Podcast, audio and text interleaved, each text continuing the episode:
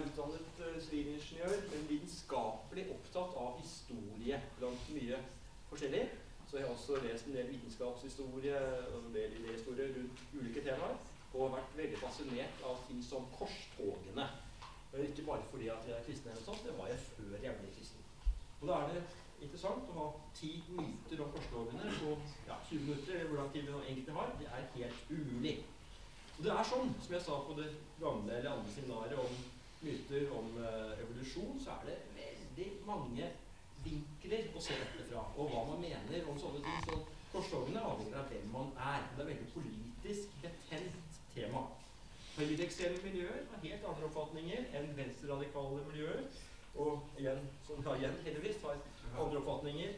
Ja, altså, øh, Høyreekstreme miljøer har helt andre oppfatninger om hva som er myter om korstogene i venstreradikale miljøer, og helt andre igjen enn IS-krigere, for eksempel. For å ta et ikke helt tilfeldig eksempel. da.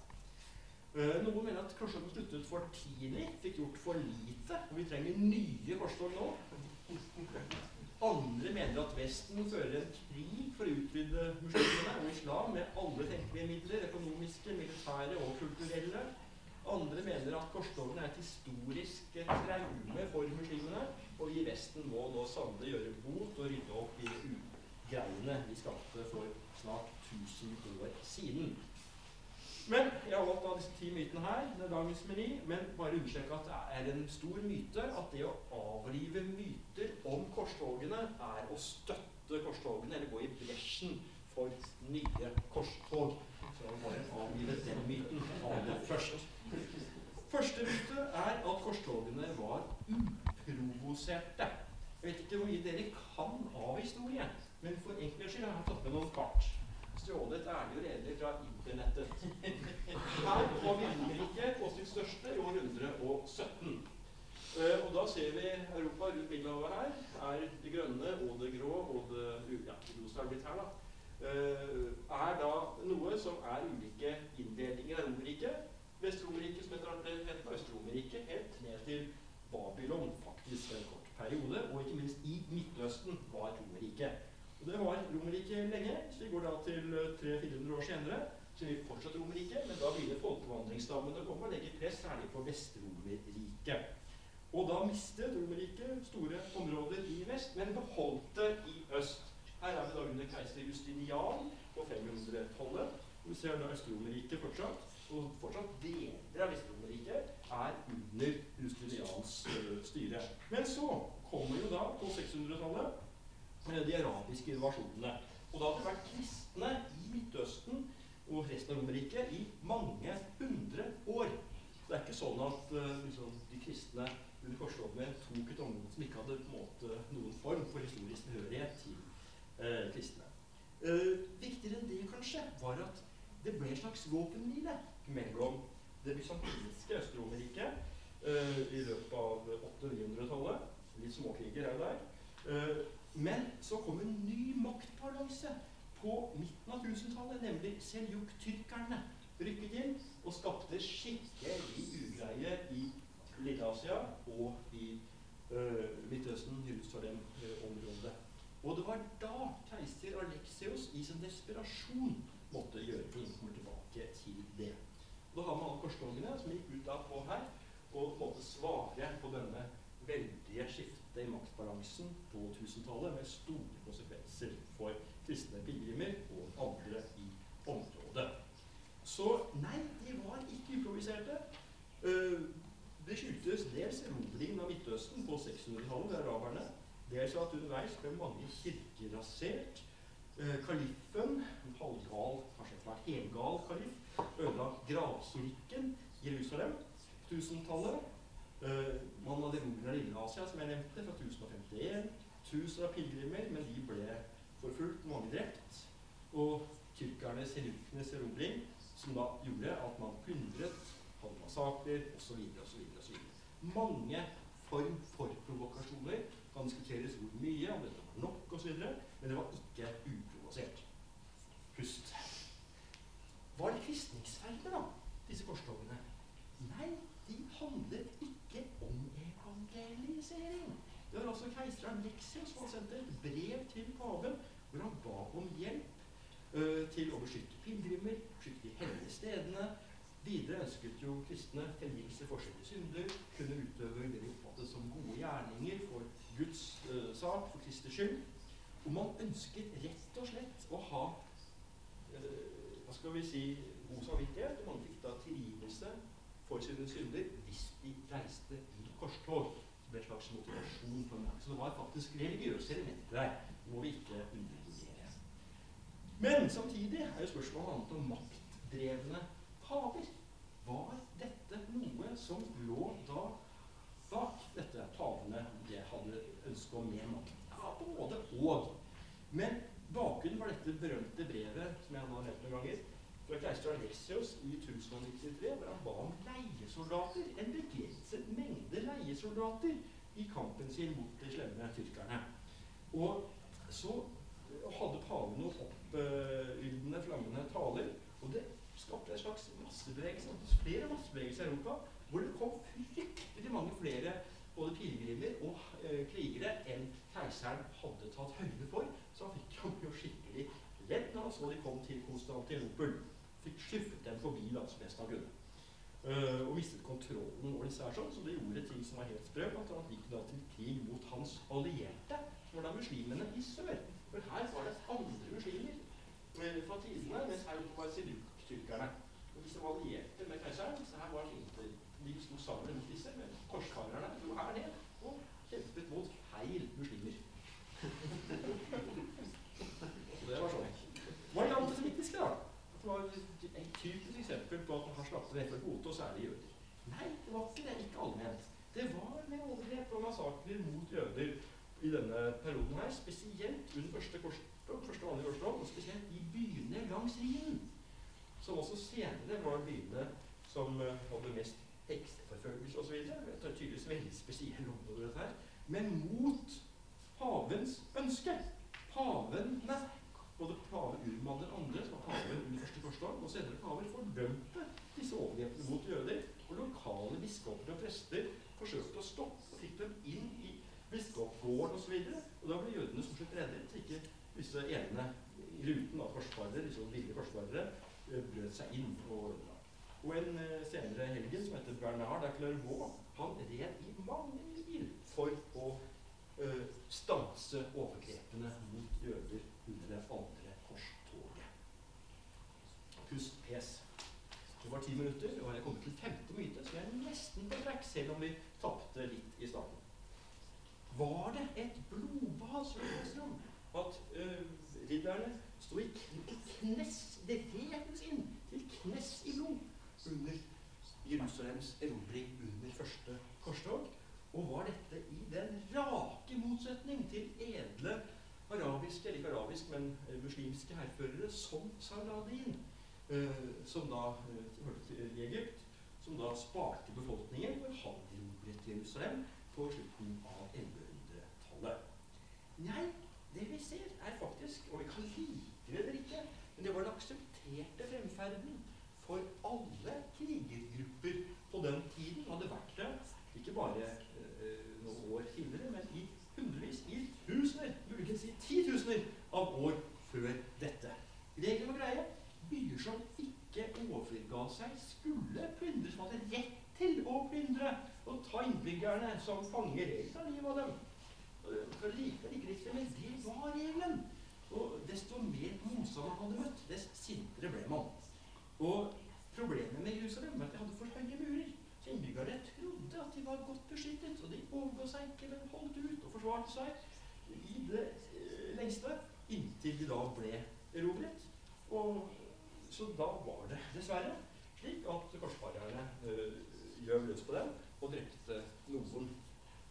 000. Vi får så vidt hvor mange. Antagelig er tallene veldig overdrevet. Men de vasset i hvert fall ikke ut i blodpress, for det ville krevd at de drepte hundretusener av mennesker. Skulle blodet stå så høyt, kanskje millioner av mennesker. Og det var ikke så mye innbyggere nesten i hele Europa på den tiden. Så det er en ren sånn myte for at det skal Ikke myte, men en påbygning for at det skulle da matche liksom, forventninger og vise hvor dyktig man hadde vært for å erobre eh, byen for eh, Kristus.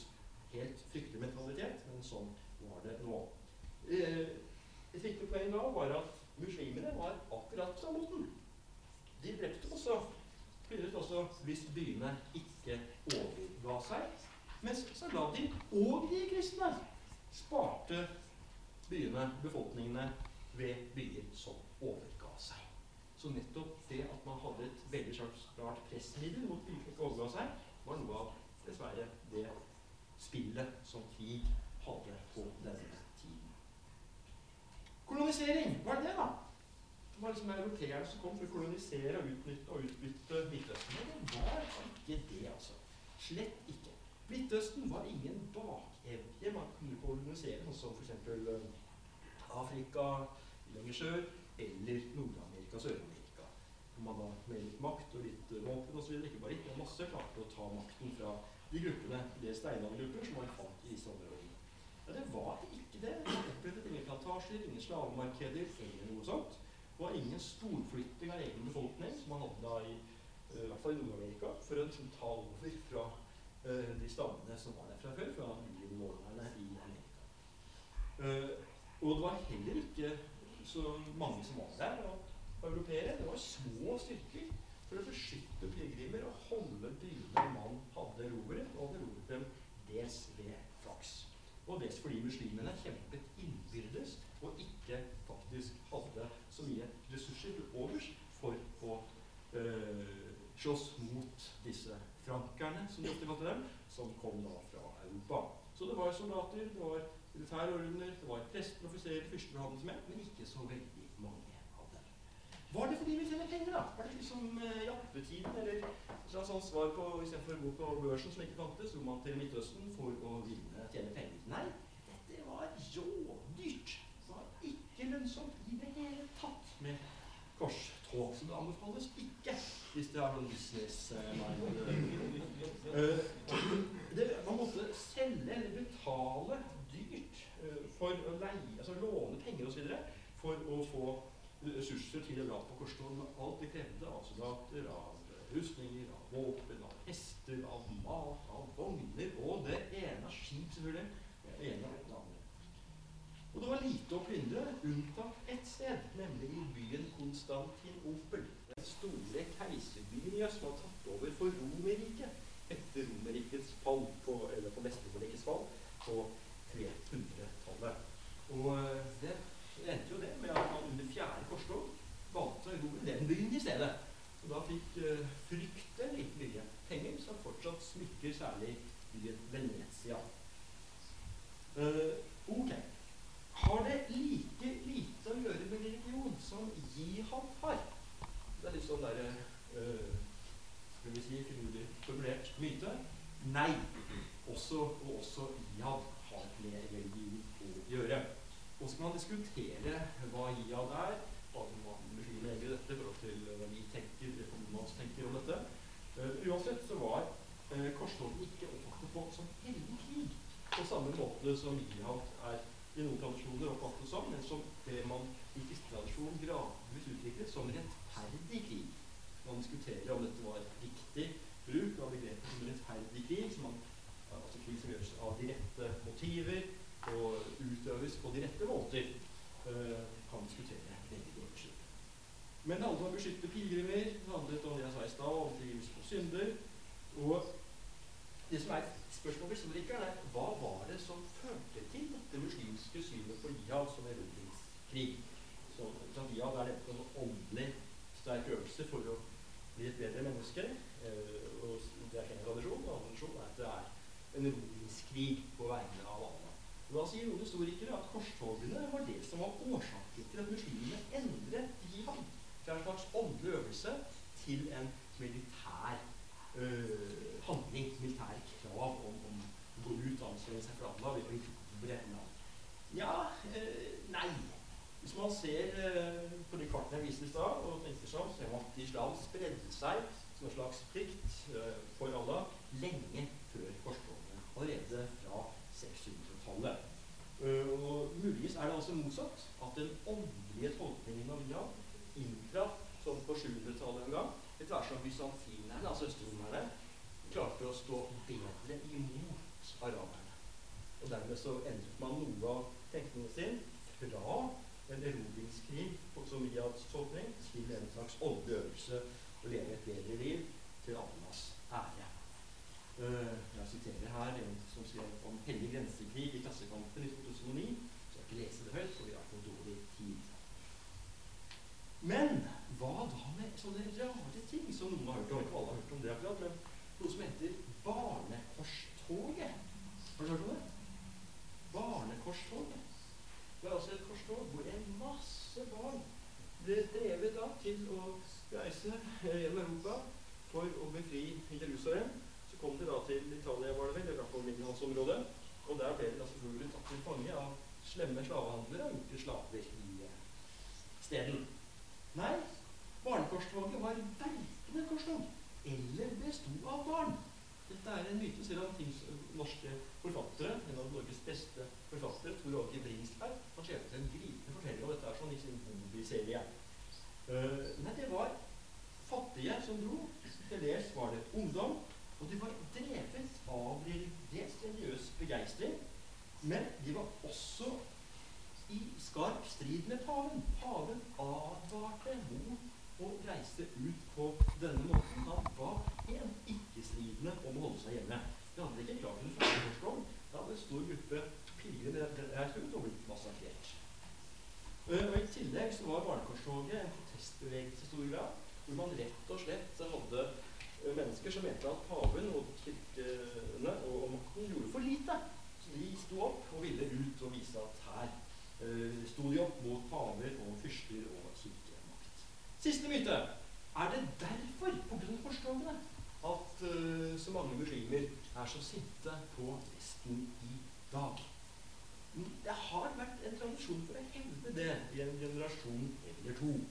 Men spørsmålet er jo rett og slett bare tenk på dere selv, da. Hvem husker noe særlig av hva som foregikk i en periode for 1000 år siden? 200-årsperioden fra 1096 til 1291, hvor korstogene i Midtøsten uh, pågikk. Det var ni korstog eller noe. Og videre startet araberne selv endringene på 600-tallet, og de vant korstogene. Det var jo ikke araberne som tapte. Fordi de slåss seg imellom at de hadde en viss sjanse til å erobre noen ville og holde dem et par hundre år. Hvorfor være sinte ved korstogene når de som begynte, og de vant?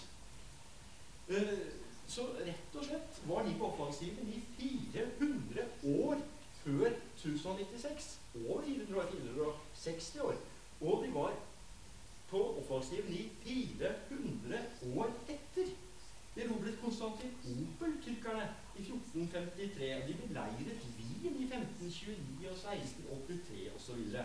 så her er det sånn at vi har rett og slett å gjøre med helt annen dimensjon som bidrar til at muslimer bruker korstogsretorikker i dag. Og det kommer av kolonialiseringen på slutten av 1800-tallet. Og hvor nettopp de ble påvirket av vestlig eh, tenkning, vestlige forfattere, som skrev mye om korstogene.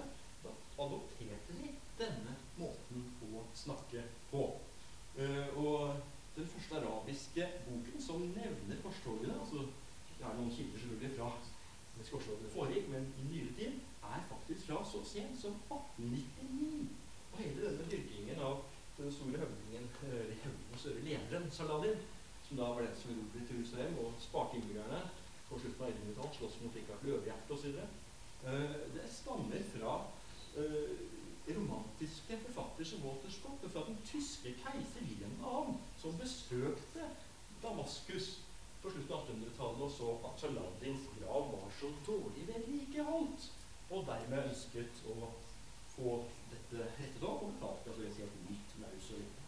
Så det handler om dagens situasjon, ikke fortidens, når muslimer snakker om øh, korsfarere. Og hvis man ser på IS i dag, så kaller de til og med innfødte kristne som har vært der før araberne.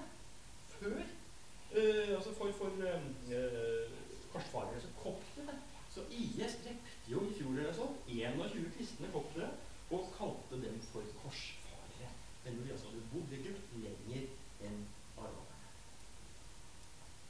Huspress. Det var 20 minutter på 19 minutter og 51 sekunder ifølge klokken her.